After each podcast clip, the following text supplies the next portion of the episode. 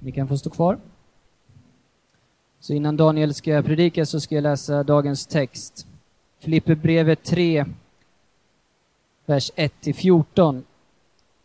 För övrigt, mina bröder, gläd er i Herren. För mig är det inte besvärligt att skriva samma sak till er, och för er är det säkrast så. Se upp för hundarna, se upp för de onda arbetarna, se upp för de sönderskurna. Det är vi som är de omskurna, vi som tjänar, Gud, tjänar genom Guds ande och berömmer oss av Kristus, Jesus och inte förlitar oss på yttre ting. Fast också jag kunde förlita mig på yttre ting. Ja, om någon menar att han kan förlita sig på yttre ting, så kan jag det ännu mer. Jag som blev omskuren på åttonde dagen och som är av Israels folk och Benjamins stam, en hebré född av hebreer, jag som i fråga om lagen var en farisé, i fråga om iver en förföljare av församlingen och i fråga om rättfärdighet, den som vinns genom lagen, en oklanderlig man. Men allt det som var en vinst för mig räknar jag nu som förlust för Kristi skull. Jag räknar allt som förlust därför att jag har funnit det som är långt mer värt, nämligen kunskapen om Kristus Jesus, min Herre. För hans skull har jag förlorat allt och räknar det som avskräde för att jag ska vinna Kristus och bli funnen i honom, inte med min egen rättfärdighet, den som kommer av lagen, utan med den som kommer genom tro på Kristus. Rättfärdigheten från Gud genom tron. Då känner jag Kristus och kraften från hans uppståndelse och delar hans lidande genom att bli lik honom i en död med honom, i hoppet om att nå fram till uppståndelsen från de döda. Inte som om jag redan har gripit det eller redan har nått det målet, men jag jagar efter att gripa det eftersom jag själv har blivit gripen av Kristus Jesus. Bröder, jag menar inte att jag redan har gripit det, men ett gör jag. Jag glömmer det som ligger bakom och sträcker mig mot det som ligger framför och jagar mot målet för att vinna segerpriset, Guds kallelse till himmelen i Kristus Jesus. Det var Guds ord till oss idag. Jakten på lycka. För åtta år sedan, eh, 2006, så släpptes en film som heter just eh, Jakten på lycka, eller The Pursuit of Happiness. Kanske en del av er har sett den med Will och Jaden Smith. Eh, en, en sån riktig feel-good film. Eh, och, och eh, kort och gott, och filmen och den här boken då handlar om, och jag vill bara tillägga, jag tycker verkligen om den här filmen, jag ska inte dissekera och egentligen handlar det inte alls mycket om den här filmen, men, men någonstans i korthet handlar det om den här mannen då, Chris Garner och hans eh, son Christopher Jr. Och ehm, eh, han är en fattig familjeman som satsar allt på att lyfta sin familj ur fattigdomen. Och eh, det tycks, ju mer han satsar, desto mer går det åt skogen. Ju mer han försöker så, så liksom det bara går, det blir värre och värre och värre då. Han blir eh, försatt i personlig konkurs, hans fru lämnar honom. Han blir vräkt från sin lägenhet, hamnar på gatan, eh, utan någonstans att bo, ingen direkt säkerställd inkomst, ensam vårdnad om sin son. Mitt i allt det där så försöker han eh, jobba, tjäna tjäna ihop pengar, han försöker studera, han blir en, en, en eh, ja, intern och har liksom inga, inga direkta pengar inkommandes då. Och de sover på en del boenden, hemlösa, och vid några tillfällen så sover de på kartonger, han och hans son då, på kartonger i någon tunnelbanetoalett. Christopher Jr., hans son då, vid en intervju många, många år senare, han är 33 år idag, eh, och hjälper sin pappa i, i ett äh, imperie, som, som, så han har gått verkligen från amerikanska liksom rags to riches och han, han har blivit en, en, en känd och, och eh, framstående businessman då, den här Christopher. Och eh, sonen får frågan Eh, hur, hur, hur, var det egentligen när ni var där på gatan? Och då svarar han så här, jag visste egentligen inte att vi var, att vi var fattiga. Jag förstod aldrig att vi var hemlösa. Jag kommer bara ihåg att vi flyttade hela tiden. I en intervju frågar han också frågan då, var du inte väldigt rädd som barn? Var du inte väldigt rädd? Ni fick sova på någon toalett och ni liksom var där mitt i alltihop och du, du var så pass liten och pappa hade inga pengar och allt det där. Och då säger han så här, jag visste inte så mycket, men så mycket visste jag att när jag tittade upp så var pappa där. Varför skulle jag vara rädd? När jag vände mig om var han alltid där. Vi kanske inte visste vad vi skulle äta eller vad vi skulle sova, men vi var tillsammans varje dag.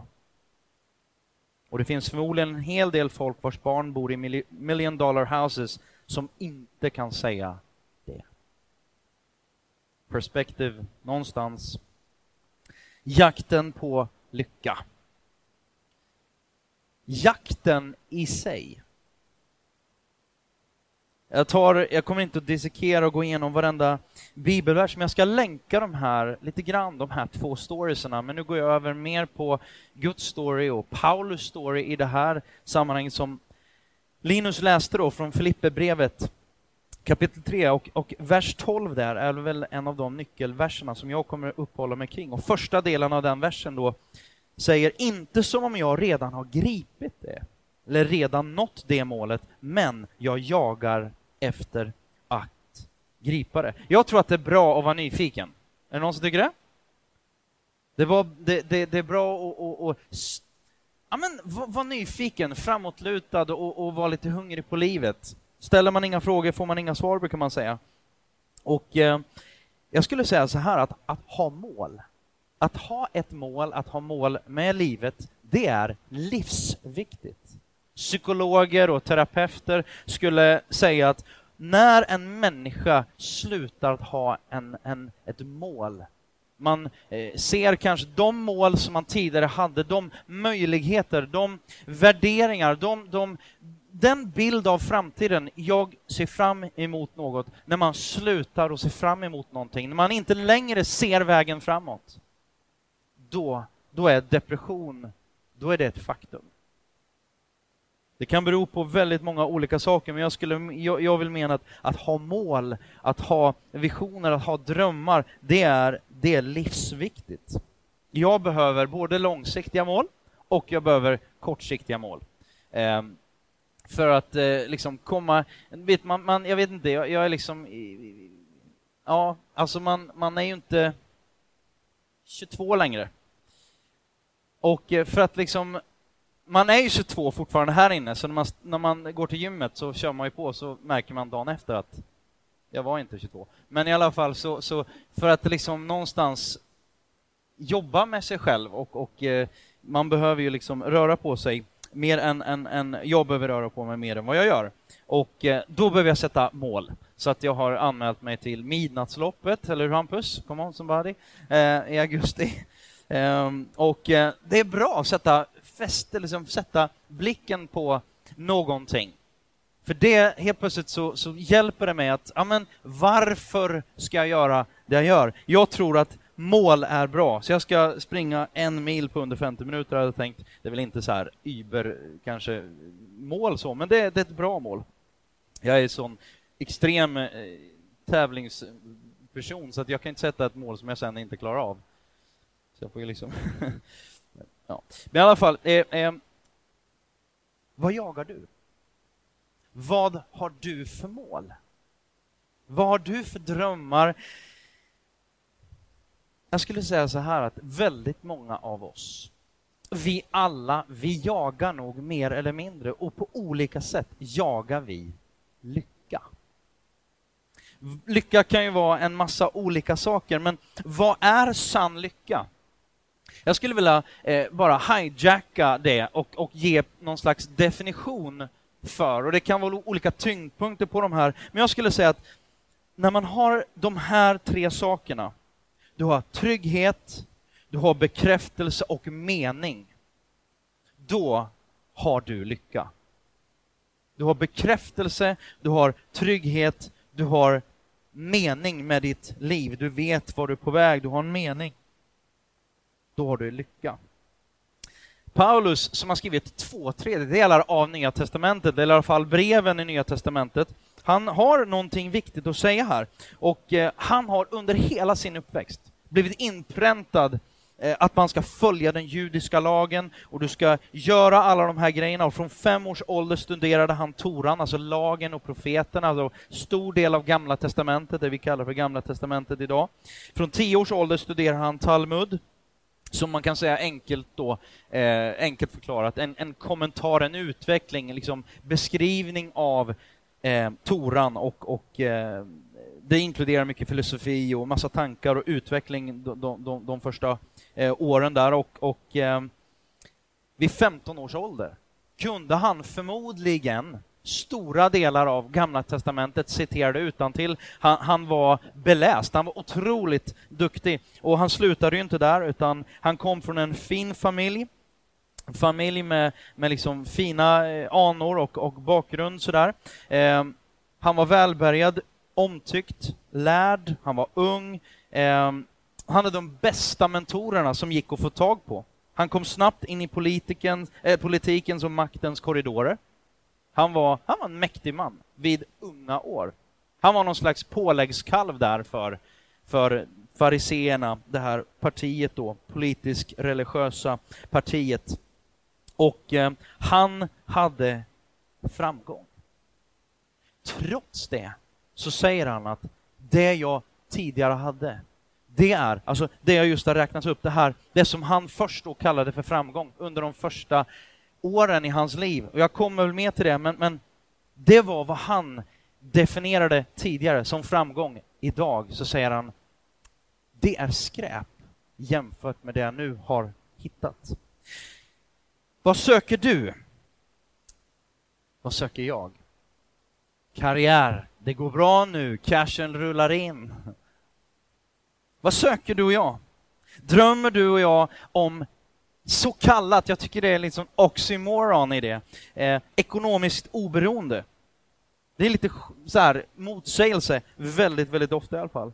För ju mer pengar du har, ju mer saker du bygger på i ditt liv som bygger på att du har pengar, desto mer beroende av pengar blir du ju. Inte oberoende av pengar. Utan du gör det ju, det beror på hur man menar. Jag, alltså, jag kan göra vad jag vill, det är det man menar, men du blir inte oberoende av pengar. Du blir väldigt beroende av pengar och du börjar förlita dig på pengar. Om jag bara kunde få till det där jobbet, om jag bara kunde få gå den där utbildningen, då, tänk om. Om jag bara kunde få bli tillsammans med den där perfekte mannen, eller om jag kunde bara få bli tillsammans med den där perfekta kvinnan, då, då är mitt liv, då är det klart. Så här, By the way, finns det ingen perfekt man eller perfekt kvinna? Om jag bara får röra mig i dem och dem och det nätverket, de kretsarna, när jag blir känd, då, när jag slår igenom, då, då kommer det ske. Då kommer jag bli lycklig. När jag blir chef på mitt jobb, när jag får så starka kort på min hand att min arbetsgivare behöver mig snarare än tvärtom, då, då kommer jag vara lycklig. När min karriär går precis så som jag har tänkt. Ja, men jag längtar inte efter karriär, jag är lite mer ödmjuk än så, kanske du tänker. Jag är faktiskt riktigt svensk. Jag behöver inte sticka ut, men jag vill ha det lagom bra. Jag vill ha det bekvämt. Jag vill ha ett lagom bra jobb, en lagom bra fru, lagom bra barn och en lagom bra hobby. Och jag älskar lagom. Ah, faktum är att jag knarkar lagom. Om jag bara kunde få det här då, när, när saker och ting är, är lagom, då är jag lycklig. Jag vet inte om du faller in i några av de här, du kanske tycker att ah, men det, det är lugnt, jag har liksom inga, inte den typen av... Men grejen är den att vad sätter vi vårt hopp till? Vad är vi på väg in i? Och jag menar så här att det här, alla de här sakerna, det är ju i sig, eller kan, alltså att, att, eh, att, att göra bra ifrån sig, att gå en viss utbildning, eh, vad det nu är för någonting, det är ju jättebra, kan vara otroligt bra i sig. Vi kommer till det. Paulus, han hade allt han ville ha. Problemet var bara att, att det han strävade efter och jagade tidigare inte var det han trodde att det var. Han säger då i vers 7 till 11. Allt det där som tidigare var en vinst för mig räknar jag nu som förlust för Kristi skull. Ja, jag räknar allt som förlust därför att jag har funnit det som är långt mer värt. Kunskapen och kännedomen att känna då. Kunskapen om Jesus Kristus, min Herre. För hans skull har jag förlorat allt och räkna det som avskräde för att vinna Kristus och bli funnen i honom, inte med min egen rättfärdighet, den som kommer av lagen, utan med den som kommer genom tro på Kristus. Rättfärdigheten från Gud genom tron. Då känner jag, eller då vill jag lära känna Kristus och kraften från hans uppståndelse och dela hans lidanden genom att bli lik honom, in död med honom, i hoppet om att nå fram till uppståndelsen från de döda. Vet ni vad jag tycker det här låter som? Har ni varit på ett bröllop, när det är, har ni varit på ett bröllop någon gång? Där det är begravningsstämning? Någon har varit där? Okej, okay, det var ju ett tråkigt bröllop kanske. Hoppas det inte var ert bröllop. Eh, det är klart att det är fest. Man fokuserar på, på livet tillsammans. Det är nog både en och annan kille och tjej man och kvinna som har känt det lite begravningsaktigt innan. För när du, när du gifter dig så säger du, Per, du begraver alla andra kvinnor, alla andra män vid det här tillfället.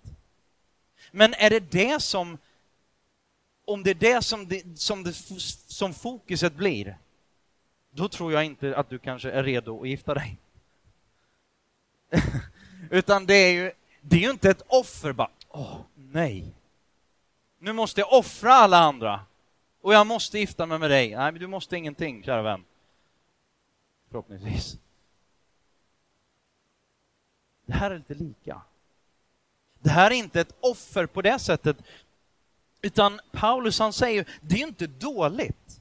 Det jag hade tidigare är inte skräp, men det är skräp i jämförelse med det som jag hittat. Stor skillnad. Det är inte dåligt, bara åh vad dåligt allt annat är. Utan han säger bara, det jag har funnit är så oerhört mycket bättre. Där vet inte jag. Men jag, jag och varför jag är lite så här i gasen och tycker det här är bra, det är för att jag predikar till mig själv. Jag behöver det, för jag har, jag har alla möjliga tankar om vad som är bra och lyckligt och liksom det ena med det andra. Jag är, ja. Jag behöver det här själv någonstans förändrades Paulus mål.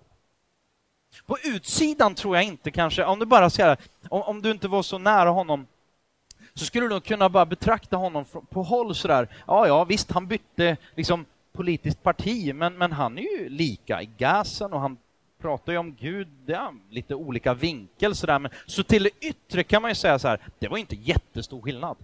Men för Paulus så gjorde det all skillnad. Han räknar det som han tidigare haft som skräp. Och återigen då, i jämförelse med. Och jag kommer till det, men jag vill bara stryka under det. Alltså Gud säger inte bara du ska inte ha något bra, du ska inte ha pengar, du ska inte ha... Vi kommer till det, men det är inte problemet. Problemet är, eller ja, Gud säger och Bibeln säger, problemet är ju vad du och jag söker och vad vi jagar. Om det är då att vara känd, rik, bo i ett fint hus med nyrenoverat kök, badrum, jacuzzi, vara inflytelserik, ha makt. Det är väl inga problem. Jag vill gärna ha ett nytt badrum med jacuzzi. Lite större kanske. Och, ja, vad det nu är för någonting hade ju varit fantastiskt. Den stora frågan som blir nästa punkt då, det är ju egentligen bara så här. Den stora frågan är inte vad jag jagar, utan varför. Varför gör jag det jag gör? Jag säger så här, ditt vad kommer alltid definieras av ditt varför. Var du är på väg. Vi kan säga så här, målet helgar inte medlen. Resan är del av målet. Det som händer nu, det är inte bara så här, nej men det spelar ingen roll, för sen, tänk om, bara då, då. Nej, vad händer nu? Var är du på väg och varför?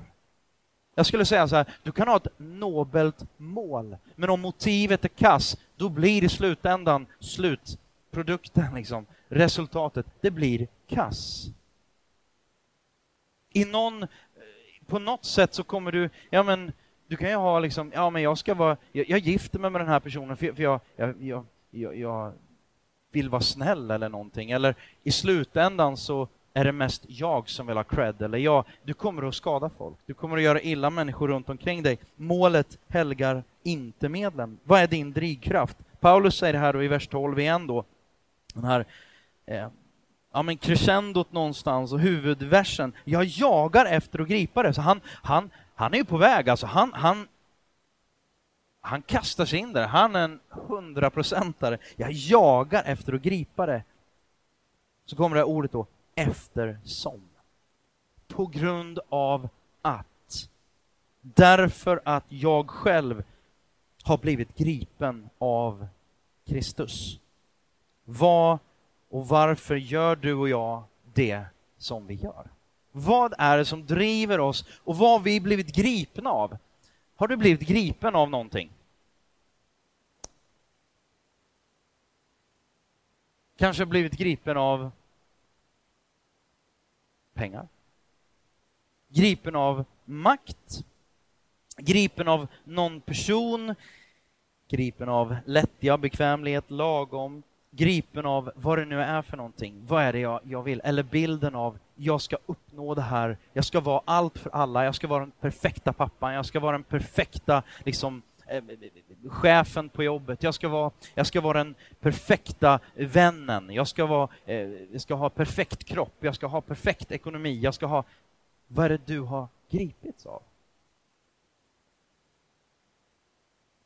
Bibeln talar ganska tydligt om det här jagandet och när man blir gripen av en massa olika saker, hur det kan leda till och faktiskt använder det här ordet, det är som att jaga efter vind och efter lust, luft.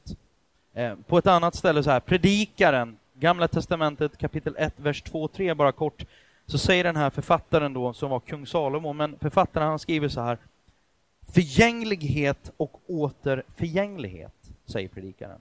Förgänglighet och åter förgänglighet. Allt är förgängligt. Vad vinner en människa med all sin möda, allt sitt jagande då? Som hon gör sig under solen. Kort.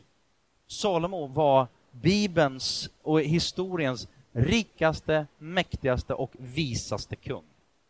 Kort summering. Han hade allt.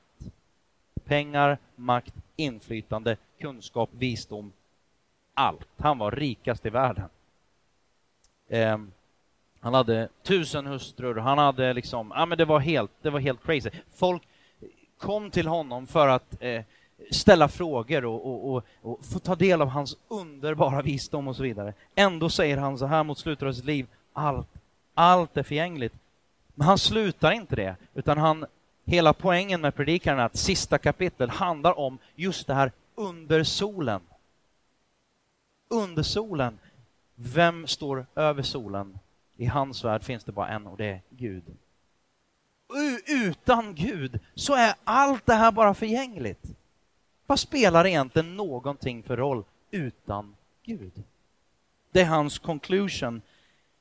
Jag tror ju att det är sådär. Det här frågan varför. För när du har fått det där huset eller månadslönehöjningen, eh, det där gigget, den där positionen, den där perfekta familjen, så inser du först och främst att det inte finns en perfekt familj. Surprise. Men då vill du ha mer. Mycket vill ha mer. Så är det alltid. Du kommer aldrig vara nöjd. Ja, men, mm, tänk om jag bara blir, jag blir störst inom det här området i Sverige och så bara, men det är ju någon som är större än mig i Norden. Ja, men då måste jag bli störst i Norden. Ja, men då är det någon som är större än dig i Europa. Ja, men då måste jag bli och så bara fortsätter det och fortsätter det och fortsätter det. För du och jag får aldrig nog. Det är ett jagande efter vind. Det är svårt att, att fånga vinden.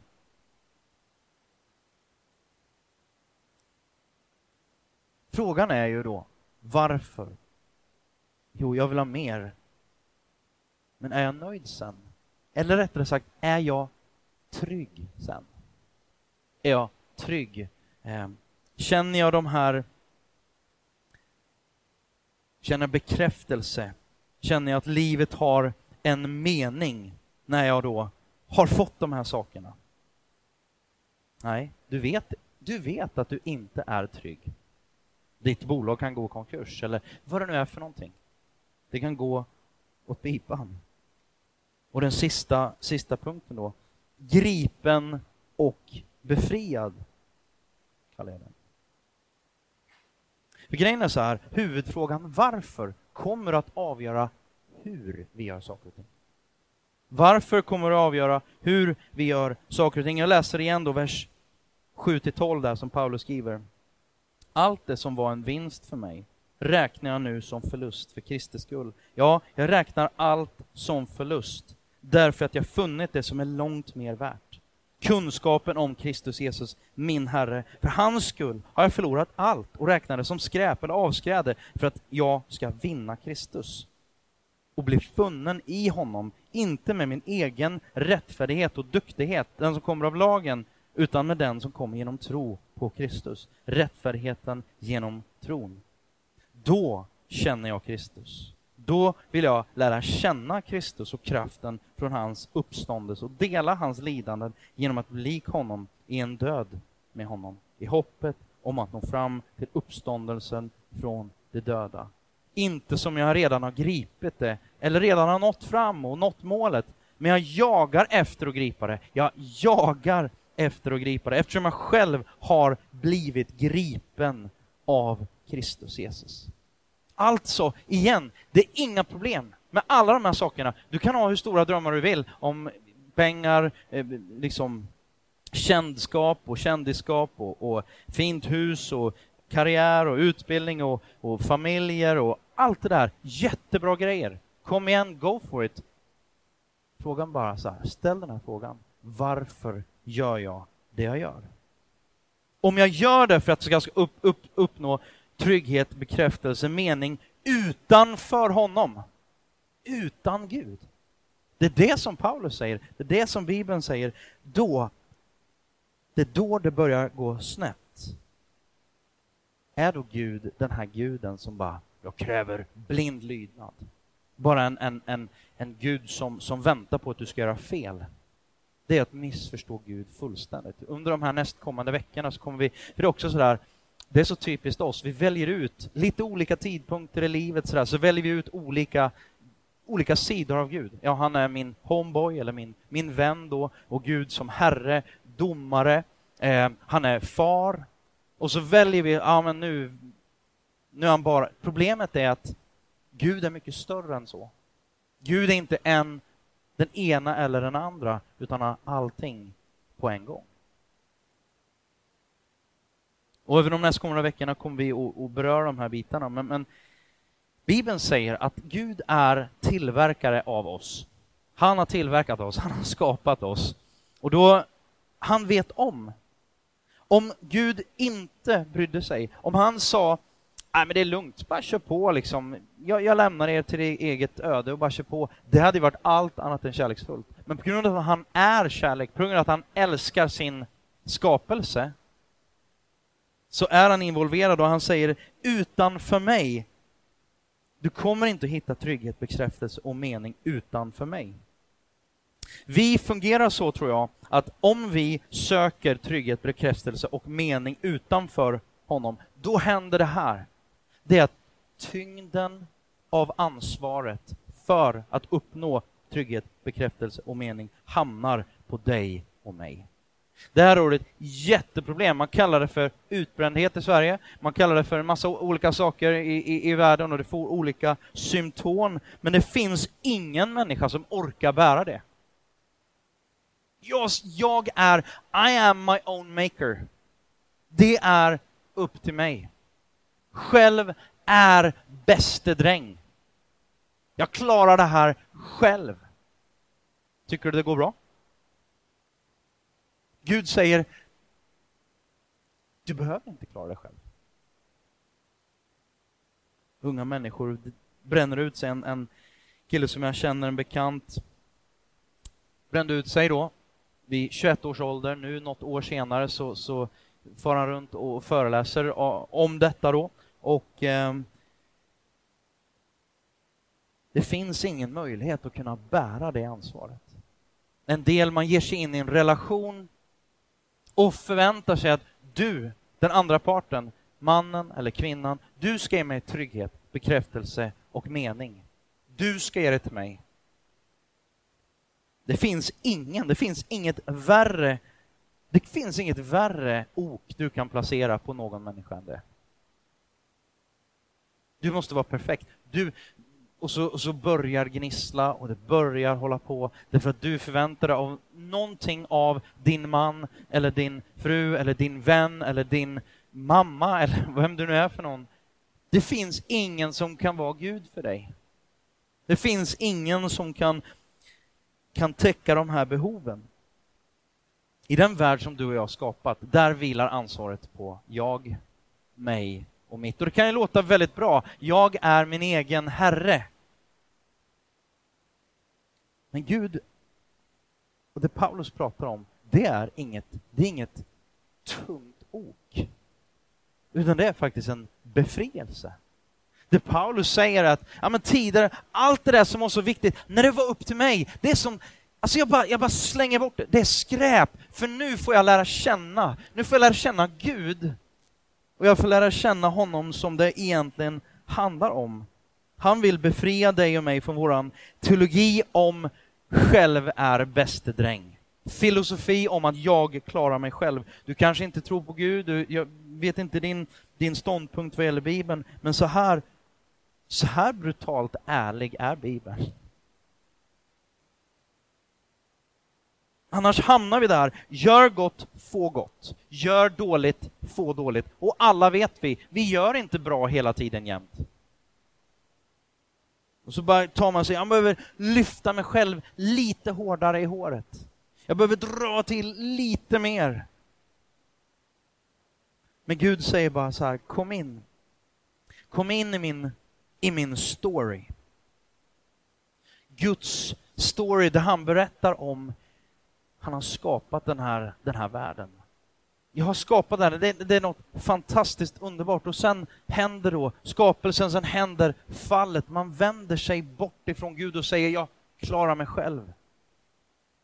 Det är någon slags grundläggande, vi kan prata om och, och, och syndakatalogen, ett sånt där ord, jag vet inte om det talas om det, men det, det, det, det, det sägs att det har funnits en hel del kyrkor vi vill inte ha det. Vad är det för någonting? Jo, det är när man börjar räkna upp olika så här, ja det är en synd och det är inte en synd och så ska du göra, så får du inte göra och så vidare och så vidare. Det är ett väldigt konstigt och obibliskt förfarande. Utan det grundläggande är synd egentligen. Det handlar om att vi klarar oss utan Gud. Vi behöver inte dig. Vi kör på. Jag menar, det andra det är ju, det är ju frukt av, av det första i så fall. Fallet. Sen kommer då Jesus Kristus Nya testamentet, Jesus Kristus dör på ett kors, räddningen, han tar och betalar priset för det här. Det här bortvända och återupprättar relationen med Gud. Och det vi läser om i, i Bibeln är ju att en dag så ska vi få se hela den här storyn upprättad och, och komma till, till ett stort crescendo och, och ett stort fantastiskt slut. En, ett riktigt feel good slut för alla er som gillar det. Jag ska gå ner för landning, Andreas. Eh, väldigt begränsad bild då. Men om jag återkopplar till den här storyn om Chris Gardner så stretar han på och kämpar på. Väldigt begränsad bild, men ändå. Precis så som Chris Garner har utkämpat den stora kampen för sin son. Och till slut då, idag, så behöver hans son inte gå igenom det helvete som Chris behövde gå igenom. Han behövde inte betala. Sonen, han hängde egentligen bara med. Det han har idag, han sitter som, vad det nu är, vice VD eller någonting högt uppsatt inom hans imperium där och leder hela verksamheten som är multi-billion dollar industry, som han leder tillsammans med sin pappa. Det är ju inte för att han har gjort massa fantastiska saker. Jag tror säkert att han är superskilled på det han gör. Men det handlar ju framför allt om vad pappa har gjort. Väldigt haltande bild, jag vet. Men om du och jag kan lära känna vår, vår himmelske far, om vi vill det och förstår det, så har han gjort allting och det behöver inte landa på dina axlar. Det är inte ditt ansvar. Det handlar inte bara och handlar inte bara om jag, mig och mitt och jag måste lyckas, jag måste klara det här och hit och dit och fram och tillbaks. Tänk om vi kunde lita på Gud. Lita på att han är den han säger att han är. Tänk om vi kunde, likt Christopher Garner Jr, säga och svara på frågan om vi är rädda. Jag vet inte så mycket, men så mycket vet jag att när jag tittar upp så är min pappa där. Varför skulle jag då vara rädd? När jag vänder mig om är han alltid där.